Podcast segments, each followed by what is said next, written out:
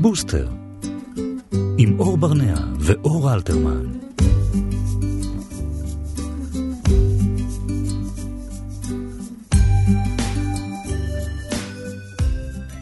שלום וצהריים טובים לכם, אנחנו פותחים שבוע עם תוכנית נוספת של בוסטר כאן בכאן תרבות 104.9 ו-105.3 FM. שלום, אור. שלום. שלום. אז היום טובים. אנחנו נדבר בתוכנית על פחדים. אוי, מעולה. רצינו כבר הרבה זמן לעשות את התוכנית הזאת. נכון.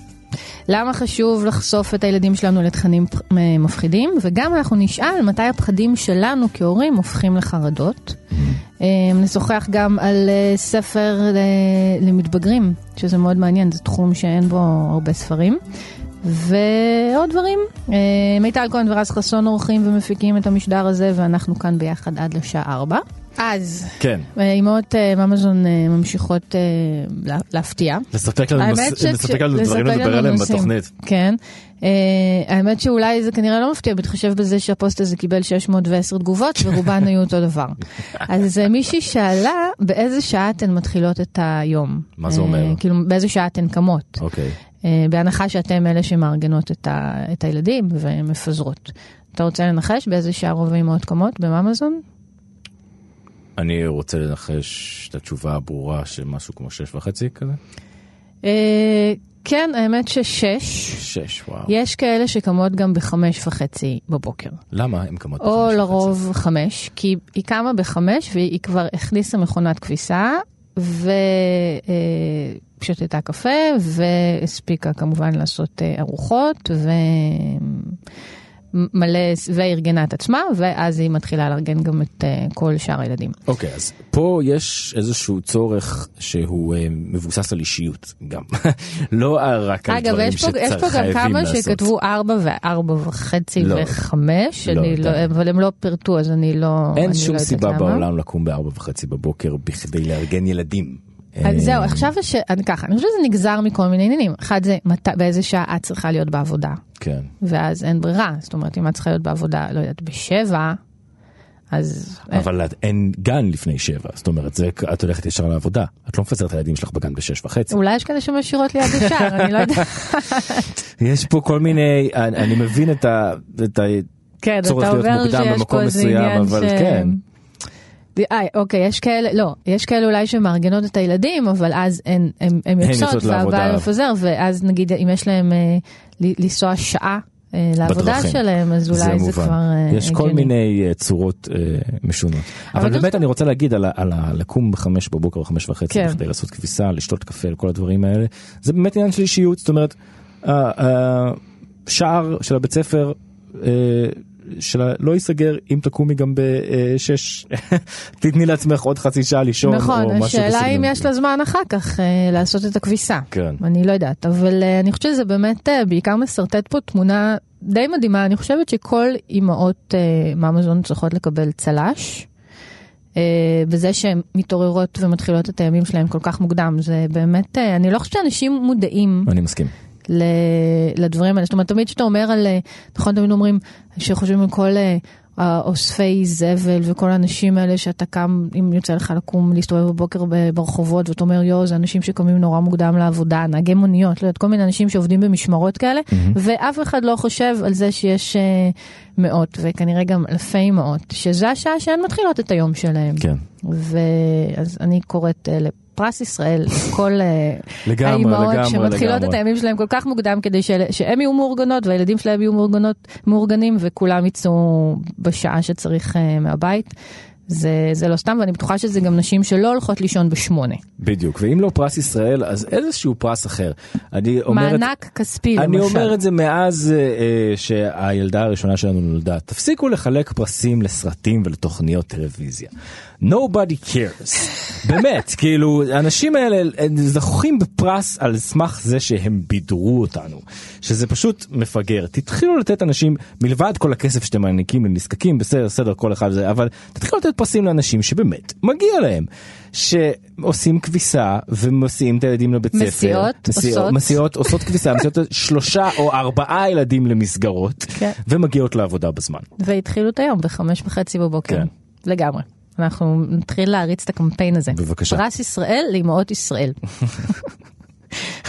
אז בהמשך לשיחה שלנו, באמת אם יש משהו שמאוד מפחיד אותי זה לקום בבוקר. אבל כן, זה קישור קצת עלוב לשיחה הבאה. אה, ניסיתי, ניסיתי, אבל זה באמת יש לי פחד קימה מוקדמת. אמ, אבל אה, כשהופכים אה, להורים, אז יש, אה, אתה נהיה נורא נורא רגיש כזה לתכנים שאתה קורא להם, למרות שזה דברים שלפעמים לך עברו מעל הראש כשהיית ילד, כשאתה חושב על זה רגע. נכון. אבל פתאום כשאתה קורא את זה בעיניים אחרות, אז אתה נהיה נורא זה, ואז פתאום אתה אומר, לא, אני לא אקריא לילדים שלי את זה, ואני לא אקריא לילדים שלי את זה. ודווקא יש דברים שחשוב להקריא להם, למרות שעל פניו... נראה שמרגיש לך שאולי עדיף למנוע מהם בשלב הזה, כי זה מפחיד מדי, כי זה יכול להכניס להם אה, כל מיני מחשבות מפחידות לראש. סיוטים בלילה, שכן. אבל אה, לא, יש דברים שחשוב, ו... ובעיקר אה, מעניין לשמוע למה, למה, למה זה חשוב. זאת אומרת חשוב, כן, זה, זה משהו שבאמת צריך לברר להבין, אותו. להבין, כן. אז אני הבאתי לך מישהו פה, שיסביר לך. שלום לעמרי הרצוג, ראש המחלקה לתרבות בספיר, וחוקר ספרות אימא. אהלן. שזה נשמע לי אחלה ג'וב. אמ, אז מה, אז למה חשוב לחשוף את הילדים שלנו ל... דברים מפחידים. כן, אז קודם כל זה לא שאנחנו חושפים אותם לדברים מפחידים, כי יש להם הרבה מחשבות מפחידות וטרדות מפחידות, אמ, אז לא לקרוא להם סיפורים מפחידים זה קצת אה, נראה לי נאיבי, mm-hmm. כי הדברים המפחידים כבר נמצאים בדמיון שלהם, במחשבה שלהם, גם בתפיסה שלהם.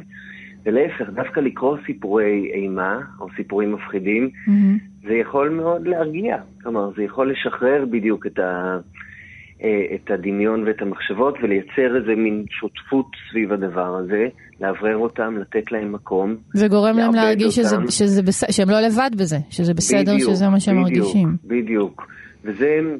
זה מעניין כי הרבה מאוד, זה, התנועה של ספרות אימה לילדים, יש לה שני חלקים. חלק אחד באמת נותן מקום למפלצות. Mm-hmm. ו, ולמפלצות כמו שהן, על המסתורין שלהם, על הכוונות הלא ברורות שלהם, על הצורך להתעמת איתן. וחלק נוסף, שהוא חלק היותר דידקטי, זה שאני פחות מחבב, ואני גם חושב שהוא בעייתי, מסביר לילדים למה בעצם מפלצות זה רק בדמיון שלהם, זה רק mm-hmm. בחלום שלהם, ובעצם הן לא קיימות שמה.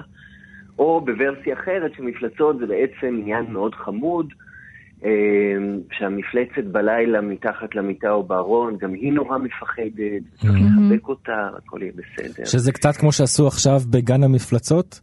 אמ, שרץ לו בחודשי הקיץ האחרונים והרבה מאוד ילדים התחברו למפלצות. שפכו אותם לחמודות. כן, אז מה אתה אומר בעצם? מה שמעניין במפלצות זה שהן לא חמודות. נכון. הן בדיוק כן. מייצגות את כל המסתורים שהילד באמת נתקל בו בחיים. זאת אומרת, יש להם משמעות שמה. אז אני, שני דברים אני, אני רוצה להגיד בהקשר הזה. אה, אחד, זה רצוי לא לבטל את קיומה של המפלצת, mm-hmm. כשהילד רואה אותה. אמ, אני צריך גם להזכיר... אז מה, להגיד לו כן, יש מפלצת מתחת למיטה? כן, כן. יכול להיות שיש מפלצת מתחת למיטה. לא, זה נשמע מצחיק, אבל עכשיו אני אשמע ממש מוזר, אבל מי אומר שאין מפלצת מתחת למיטה? בדרך כלל אבא ואמא אומרים שאין מפלצת מתחת כן. למיטה. נכון, אבל צריך לזכור שלאורך כל ההיסטוריה האנושית, עד לפני מאה שנה, וגם כן רק בחלק קטן מהעולם, העולם המערבי החילוני, היו מפלצות והיו ישויות על-טבעיות שהסתובבו בין החיים, ואנשים האמינו בהם, וברגע שמאמינים בהם גם לא מפחדים מהם. Mm-hmm. זאת אומרת, זה היה חלק מהחיים ממש. הרוחות של המתים סבבו בין החיים, והיה אפשר להצטלם איתם, והיה אפשר לקבל מהם מסרים, וזה היה חלק לגמרי נורמלי מהחיים האנושיים לאורך כל ההיסטוריה האנושית. לפני 80 שנה בערך זה נפסק. בגלל בחור אחד בשם זיגמונד פרויד, שהפך את mm-hmm. המפלצות האלה לאיזה... שמענו עליו. אנרגיה נפשית, והוא אמר, הן mm-hmm. לא קיימות באמת. אבל וואלה, מה, מה אנחנו יודעים? אבל הדבר היותר חשוב, זה, זה היה החלק המוזר של השיחה, אבל הדבר היותר חשוב זה של... הילד מאמין שיש שם מפלצת, והדבר המפחיד ביותר, אני חושב, mm-hmm. אני חושב שכל אחד חווה את זה, זה לדעת שיש שם מפלצת, לדעת באופן עמוק שהמפלצת באמת מתחת למיטה, mm-hmm. ולהישאר עם הידיעה הזו לבד. זאת אומרת, אבא לא רואה אותה, ואימא לא רואה, רואה אותה, ואף אחד לא רואה אותה מלבדי. כן. זה עניין מפחיד קצת. כן. זאת אומרת, דווקא לשלול את קיומה של המפלצת זה לא דבר מרגיע במיוחד. זה מעניין להגיד, כן, יכול להיות שהיא נמצאת פה. עכשיו, מה, בוא נברר מה היא רוצה או מה היא רוצה להגיד, ועל זה אפשר לספר סיפורים מקסימים ומעניינים ומפחידים או לא מפחידים, שב- אבל לתת להם מקום. יש את הספר, יש את הסדרת ספרים המקסימה הזאת של אה, דוד גרוסמן על אה, איתמר, כן, ובאמת אה, יש את הסיפור עם המפלצת שילד חולם עליה בלילה ואבא שלו מציע לה, אז בוא נתפוס אותה. כן, הוא לא בדיוק. מבטל את זה, הוא ביחד נכון. איתו עוזר לבנות לו מלכודת. נכון, נכון. ואז באמת זה נותן לה מקום... ו- אה, להעיר עליו בפנס, נכון. להתמודד מול הפחדים שלך כן. בעצם. בדיוק, במקום בדיוק. לבטל עכשיו, אותם. לא צריך לפתור את החדי, הפחדים, והפחדים הם לא חמודים, ולא Mm-hmm. צריך להעלים אותם. פחדים זה חלק חשוב מהחיים, וגם זה, זה, זה כיף לפחד ביחד. כן, זו הסיבה שילדים אוהבים לפחד, וגם מבוגרים אוהבים לפחד. נכון. ואפילו אריסטו כתב על זה, זה מביא את הקתרזיס, את הזיכוך, את הרגשות הפנימיים, הסוערים, המבולבלים, המאיימים, Mm-hmm. שאפשר להוציא אותם החוצה ולפתור אותם. כן, אז, אה, אז אני חושב שכאילו להכיר בקיומה של המפלצת, שהילד ש, שלנו מכיר בה, אז זה, זה, זה דבר הכרחי בהקשר הזה. מהמם. זה דבר נכון, כי הוא, הוא מנטרל את הפחד, אבל מאפשר לדבר עליו ולאבד אותו. טוב, יפה. זה, זה ממש תובנה, כן. תובנה חשובה מאוד להורים, כן. שיפסיקו לפחד מהפחד. כן, אל תשימו אותו מול אה, סרט אה, אימה שמרטשים למישהי את הגרון בשביל שהוא יתמודד. נכון. אבל כן, כן, כן, אה, נכון. תהיו אמיצים גם בשבילו. נכון. כן. אגב, באמת מה שהרבה פעמים מפחיד ילדים זה לא הסיפור עצמו, אלא האיורים או נכון, לראות של זה, שהם לא יראו את זה. נכון, נכון. טוב, עמרי הרצוג, תודה. רבה. תודה.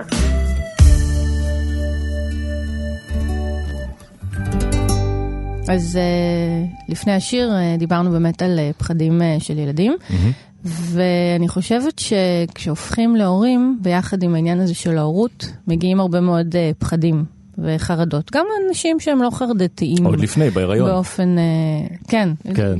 כן, אתה כזה, אוקיי, אני אלך איתך. סבבה. כן, זה, לא, זה באמת מתחיל בהיריון, נכון, דברים שלפעמים מאוד אה, קשה לצפות אותם מראש בכלל, שגם גם האימא אבל גם האבא יגיבו ככה, וזה כמובן אה, מתפתח אה, עם הלידה ואחר כך כשהילדים גדלים, ויש פחדים שהם באמת, בסדר, סבירים, נורמליים, בכל זאת. לרוב האנשים זה היצור הכי חשוב שנולד להם בחיים. כן. אבל יש לפעמים גבול דק בין מתי הפחדים שלנו הופכים באמת לחרדות ומתי זה מתחיל כבר להיות אה, משהו ששווה אולי לתת לו יותר את הדעת ואפילו לטפל בו. אמ, אז בדיוק על זה. אנחנו נדבר עכשיו עם אה, דוקטור גבי אייזנברג רומנו, מנהלת השירות לבריאות הנפש של האישה באיכילוב. שלום. שלום רב. בבקשה, לא, לשנינו יש הרבה דברים שאנחנו רוצים לשאול אותך, ואנחנו שאנחנו- אנחנו ממש קופצים כן. אה, ואנחנו אה, נתקלים אחד בשני. אה, אבל אור, בבקשה. אני אתחיל? כן. אז אני- את אה, מסכימה איתי שבאמת יש הרבה דברים שהורים לא צופים, לא יכולים בכלל לצפות, כל מיני פחדות וחרדות שהתפתחו אצלם עוד בשלב אה, ההיריון?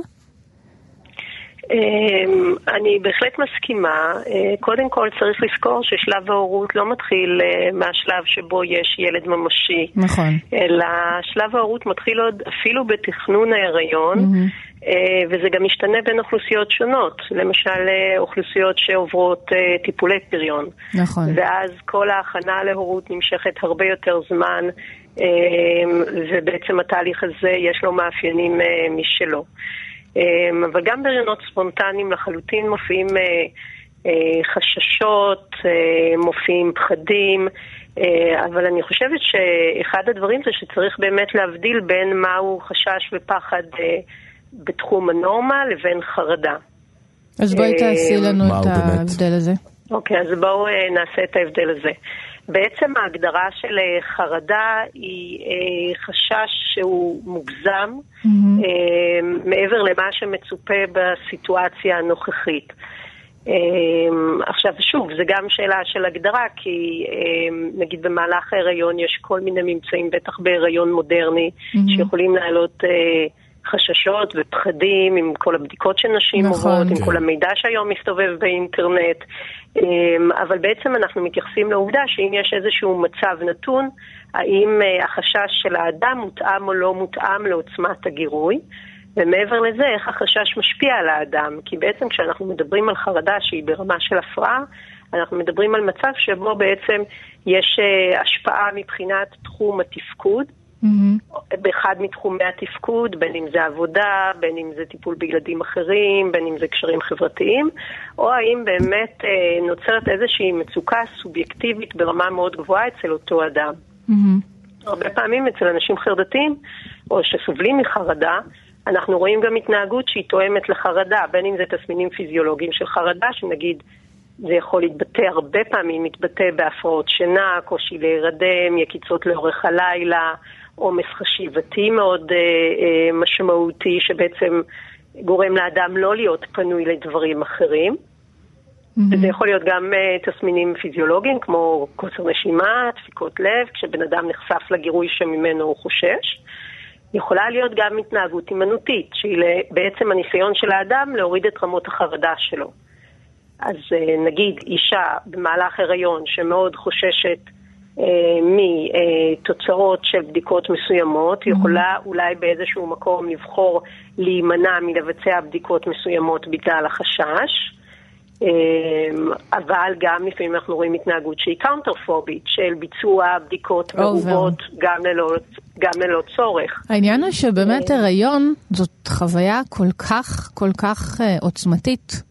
שאפילו, במיוחד בהיריון ראשון, שאין לך שום דרך לצפות גם איך הגוף שלך יגיב, ומה קורה שם, וזה מין... זה נשמע לי באמת פוטנציאל, זה, זה קר מאוד מאוד פורה לפתח בו, לפתח עליו חששות וחרדות ופחדים. גם עבור האבא, אני חייב להגיד, כמי שצופה מהצד נכון. בכל הדבר הזה. זאת אומרת, איפה הוא יהיה, לפעמים אפילו פיזית, mm-hmm. איפה הוא יעמוד בחדר, שחס וחלילה משהו, אה, נצטרך להתמודד עם משהו שהוא קשה. אני חושבת שזה בדיוק הנושא של אה, להימצא בתוך מצב של חוסר ודאות. ככל, למרות שהיום בעולם המודרני יש לנו הרבה מאוד בדיקות, רוב אה, הזמן במהלך ההיריון, האישה, שרו, האישה וגם הגבר שרויים באיזשהו חוסר ודאות, בטח לפני שמופיעות תנועות עובר, ואז לאישה אין בעצם ידיעה פרט לעובדה האובייקטיבית mm-hmm. שנצפה דופק והיא הרה כן. עד להופעת אה, תנועות עובר כשהן מבוססות כבר, למעשה האישה לא יודעת מה קורה אצלה. נכון. בתוך הגוף, וגם הגבר לא יודע מה קורה עם ההיריון של uh, זוגתו, איך מתפתח הילד שלו, וזה מעורר הרבה מאוד חששות עם הרבה מאוד התנהגויות. אה, שמתבססות כן או לא על, אה, על מציאות או על המלצות, אבל הרבה פעמים, שוב, אני נגיד מציינת את האינטרנט, כי הרבה פעמים אנחנו נפגשים עם אנשים שנחשפו לכל מיני מידעים שונים באינטרנט, או כל מיני סיפורים שהם שמעו, ומתבצעת איזושהי הכללה או איזושהי קריאה שהיא לא מושכלת, נכון. ואז בעצם על סמך זה מתפתחת איזושהי התנהגות שבעצם לא מובילה להתנהגות בריאה במהלך ההיריון ומייצרת מצוקה מאוד אה, אה, רצינית אצל, אה, אצל האישה וגם אצל הגבר. אז בוא, אולי ש... ננסה לתת באמת אה, קצת כלים לאיך להתמודד עם זה. אז אני חושבת, שוב, אני חושבת שיש אה, חששות שהם נורמטיביים, שבהחלט אם אישה נמצאת בתוך איזושהי מערכת תמך, היא יכולה בעצם לקבל איזושהי נורמליזציה או איזושהי לגיט... לגיטימציה למחשבות על חששות שלה. Mm-hmm. אני חושבת שברגע ש... אה, או כשאדם מרגיש שהעומס של החרדה mm-hmm. או החששות הם מאוד מאוד גדולים, או שיש, שההתנהגות שלו או אה, איכות החיים שלו מושפעת מרמת החרדה שלו, כדאי שהוא יפנה לייעוץ. Mm-hmm. אצל אנשי מקצוע שמתמחים בבריאות הנפש של האישה. Mm-hmm. זה לא חייב להיות פסיכיאטר, זה יכול להיות פסיכולוג, זה יכול להיות גם כסנן ראשוני רופא המשפחה, mm-hmm. ובאמת, או הגניקולוג, mm-hmm. ובאמת לוודא מול איש המקצוע האם באמת מדובר, האם יש איזשהו בסיס. או האם באמת החשש הוא מוגזם. עכשיו, כן. אני כן אגיד שיש מצבים שבהם יש חשש מציאותי, אבל התגובה הרבה פעמים היא לא פרופורציונית. וגם לזה, גם אנחנו רואים פה במרפאה, mm-hmm. אני רואה את זה גם בקליניקה הפרטית שלי, נשים שיש להן, נמצאות בהיריון בסיכון, אבל, ב, ויש חשש אמיתי, אבל התגובתיות כן. היא תגובתיות שהיא יוצאת דופן ומשפיעה על ההתנהלות שלהם. עכשיו צריך לזכור שהיריון זה 40 שבועות. כן. זה לא, אנחנו תמיד אומרים לנשים, זה לא ספרינט, זה מרתון. אנחנו צריכים בעצם לעזור לאישה וגם לגבר אה, למצוא כלים כדי להתמודד בתקופה הזאת וכלים שיחזיקו מים לאורך זמן. כן, אמ, טוב, זה, זה מרתק, אבל אנחנו לצערנו נאלצים uh, לסיים, אבל uh, זה באמת uh, נושא שאפשר לדבר עליו עוד הרבה. כן, זה להניח שעוד כך נעשה. דוקטור גבי אייזנברג רומנו, תודה רבה. תודה רבה. בשמחה.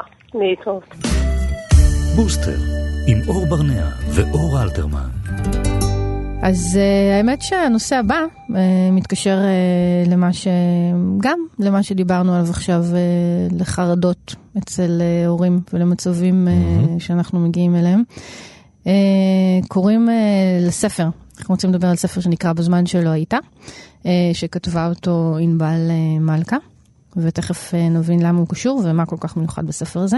Uh, בשביל זה אנחנו רוצים לדבר עם uh, אתר האופק, בעלת דף הפייסבוק המתלהבת, עורכת ומתרגמת גם. נכון. מה העניינים? מצוינים. אז בואי, בואי תספרי לנו קצת מה כל כך מיוחד בספר הזה, בזמן שלא היית. תראי, אה, אה, מה שממש ריגש אותי זה שהייתי מאוד מתוסכלת מהמצב של ספרות נוער בארץ, מפני שספרים לנוער זה דבר מאוד טריקי. זה הקהל הכי חשדן. זה הגיל הכי חשדן כלפי מבוגרים, בגיל הזה שהם מתחילים לגלות את הזיוף שבעולם המבוגרים, ופתאום אה, הכל נראה להם אה, לא אמיתי ולא אותנטי, ובמיוחד כשמנסים לכתוב להם בגוף ראשון. אני, אני חייבת להגיד עוד משהו לפני זה. כשאני הייתי נערה, ואני הייתי מין אה, תולעת ספרים כזאתי, אני זוכרת שהיה מין פער כזה, הייתי קוראת, את יודעת, יש את הספרי ילדים, נכון. ואז את נכנסת לשלב כזה של אה, כל מיני רומנים אה, מתוקים כאלה, אמה כתבה שם מתוק, ואז פתאום יש מין קפיצה בבת אחת שקוראים, עוברים ישר לספרות מבוגרים. כאילו מאמה כתבה שם מתוק, פחות או יותר את קופצת להרמן הסה, לכל מיני ספר, ספרים של גדולים כאלה. גם לי קרה ו- כמתבגרת. אימא שלי ישר נתנה לי כל מיני כאלה, מרדורי מורנינג סטאר, וכל מיני כאלה אה, זהו, אבל- רומנים ל- ל- למבוגרים. נכון, ולא הייתה, אני לא זוכרת שהייתה ממש ספרות שמכוונת לנוער בשנים האלה, בין שהוא, בין, בין, בין, כאילו כל עוד הוא נוער, אבל הוא עוד לא, את יודעת, ממש אה, בוגר. נכון, כי זה באמת קשה לכוון לגיל הזה, גיל כל כך מבולבל, כל כך אה, סוער, ו- ועם המון מבוכות, ו- והמון דברים לא ברורים לעצמם. זאת אומרת, לך עכשיו או תכתוב להם ספר שבו שמתיימר כביכול לפצח איזה שהם דברים של גיל ההתבגרות, אני לא חושבת שהם רוצים. וכמו שקראתי איזה ביקורת על הספר הזה של ענבל מלכה, שלא בדיוק ברור זה, ולא בדיוק ברור ההוא, והדמות הזאת לא ברורה. טוב שככה.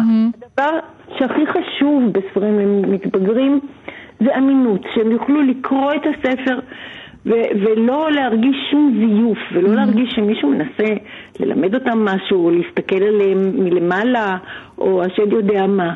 והספר הזה, אני אומרת, באמת, אני לא זוכרת מתי קרה לי שקראתי ספר למתבגרים ישראלי, שלא חשדתי לרגע בשום עמוד, בשום משפט, שהוא לא נכתב על ידי הגיבורה המספרת, נערה מבולבלת, נערה מתבגרת במשבר. שזה נושא, עכשיו הספר מדבר על נושא לא פשוט, על אה, נערה שיש לה אבא בדיכאון. כן, אפילו המילה הזאת לא. בדיוק כתובה, לא בדיוק ברור מה יש לאבא. נכון, הוא לא יוצא מהמיטה. בדיוק, הוא... הוא נוכח נפקד כזה. כן, בדיוק, נוכח נפקד. הוא בבית, וזה באמת מצב, זה לא חשוב אפילו מה יש לאבא, זה משהו שאי אפשר לספר, זה משהו שאי אפשר לחלוק, זה משהו שאור השמש לא רואה, זה משהו נסתר, וזה כאילו סוג של סוד, וזה כבד, וזה עול, וזה היה יכול להיות אלף דברים אחרים, זה היה יכול להיות כל מיני דברים, באמת לא משנה מה היה לאבא. זה משנה שהילדה צריכה לצאת ולתפקד בתוך חברה אכזרית של בני נוער ו- והעולם החיצון שמסתכל עליה ובוחן אותה, מתמודדת עם הדבר הזה. וזה לא פשוט ולא קל, אבל מה שנפלא בסר... בספר הזה, זה שהיא היא באמת יודעת לכתוב, היא הצליחה לכתוב על כאב, על בלבול, על אשמה. בצורה על פחד. מאוד ישירה גם. בכנות זאת ש... שאתה פשוט, אתה מרגיש שאתה קורא משהו מאוד מאוד פרטי, ו... ו... וזה באמת כמו זכוכית מגדלת לתוך, לתוך הנפש המתחבטת שלה. ולא צריך לתת תשובות, זה יפה פשוט לקרוא את השאלות, את, ה... את, ה... את כל, ה, את כל הלבטים האלה. אני חושבת שזה גם מאוד, אני לא יודעת, אני זוכרת לפחות, אני בתור uh, מתבגר, אתה בתור מתבגרת, את גם תמיד מסתובב, יש את כל העניין הזה של הדיכאון הרומנטי הזה, וכל מיני תחושות קשות כאלה שמפתחים מול ההורים, שהם אפילו לא בהכרח קשורים להורים. ויש איזה משהו בספר שנורא קל להתחבר אליו מהמקום הזה. נכון. כאילו היא נוגעת בעצב החשוף הזה בצורה באמת מאוד מאוד אה, כנה, שכל אחד יכול להתחבר, זה באמת לא קשור למצב של האבא, זה יותר קשור למצב הפנימי שלה. נכון, לגמרי, והיא עושה את זה כל כך כל כך אמין, שאני באמת, אני מורידה את הכובע, אני לא, אני לא זוכרת מתי נתקלתי בספר שאתה לא מרגיש שמבוגר כתב אותו לנער, בגלל שככה המבוגר חושב שהנער צריך להרגיש, או שבגלל שככה המבוגר חושב שהנער באמת מרגיש. Mm-hmm. לא, אין, אין את הזיוף, אין כן. את הדבר הזה, אתה פשוט צולל לתוך הספר ומקבל אה, טיול בתוך נפש. נכון. בכאבים. נכון. טוב, כן ירבו. אמן. מטר האופק, תודה רבה. תודה רבה. ביי. ביי ביי.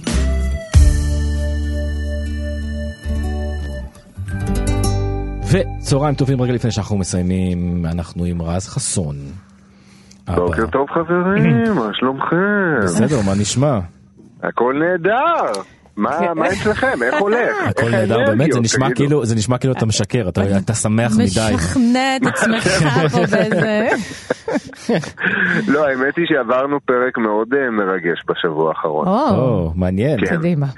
תקשיבו, אוריקי כבר בן אה, חמישה וחצי חודשים, מה שאומר כן. שכבר אפשר להתחיל לדחוף לו כל מיני בטטות וכאלה. או, הבטטות, בטטות מעוכות. מעוכות מעודות. נכון. כן. אז, אה, אז אה, זהו, אנחנו מצוידים כבר, מעדה ועניינים וכל מיני כאלה, ו, ו, ו, והוא מתחיל לטעום. עכשיו, זה, זה כאילו פרייסלס הפרצוף הזה שלו, כשהוא מגלה שיש עוד דברים לאכול בעולם הזה, חוץ, מ, חוץ מציצי. כן. שזה מדהים. והוא כזה מתייחס להכל בחשדנות, ו- ו- ומסתכל ולא בטוח על הפרצוף שלו, כאילו אתה לא... הוא עדיין לא החליט אם זה טוב לו, אם זה לא טוב לו, אם זה טעים לו, אם זה לא טעים לו, ומה זה הדבר הזה בכלל. וכדי לעשות לו את זה גם יותר מעניין, אז uh, אשתי הזמינה מין uh, פטנט כזה, זה כמו mm-hmm. מוצץ. אה, חלול כזה, כאילו כן. שהוא קצת יותר גדול ומנוקב, וכאילו אתה ממלא את הפטמה בגזר, בבטטה, בלא יודע בעצם מה. בעצם אתה עובד עליו, הוא חושב שזה מוצץ, ואז אתה כן, משחיל שם את האוכל. כן, יתרגל, כן, שהוא יתרגל ככה בעדינות אה, לטעם. וכמובן שתיעדנו את הכל, וזה כמובן. נורא מרגש. שמרתם, מתחיל... על, שמרתם על הוויטמינים? לא, כי יש כל מיני דרכים לעדות ולשמור על הוויטמינים, לא לשים במים, אלא לעדות, ואז... אה, רז, רז, רז, רז. רגע, רגע, לחתוך, לא למעוך, כל מיני דברים כאלה. אני רוצה לגלות לך משהו, אוקיי? אוקיי.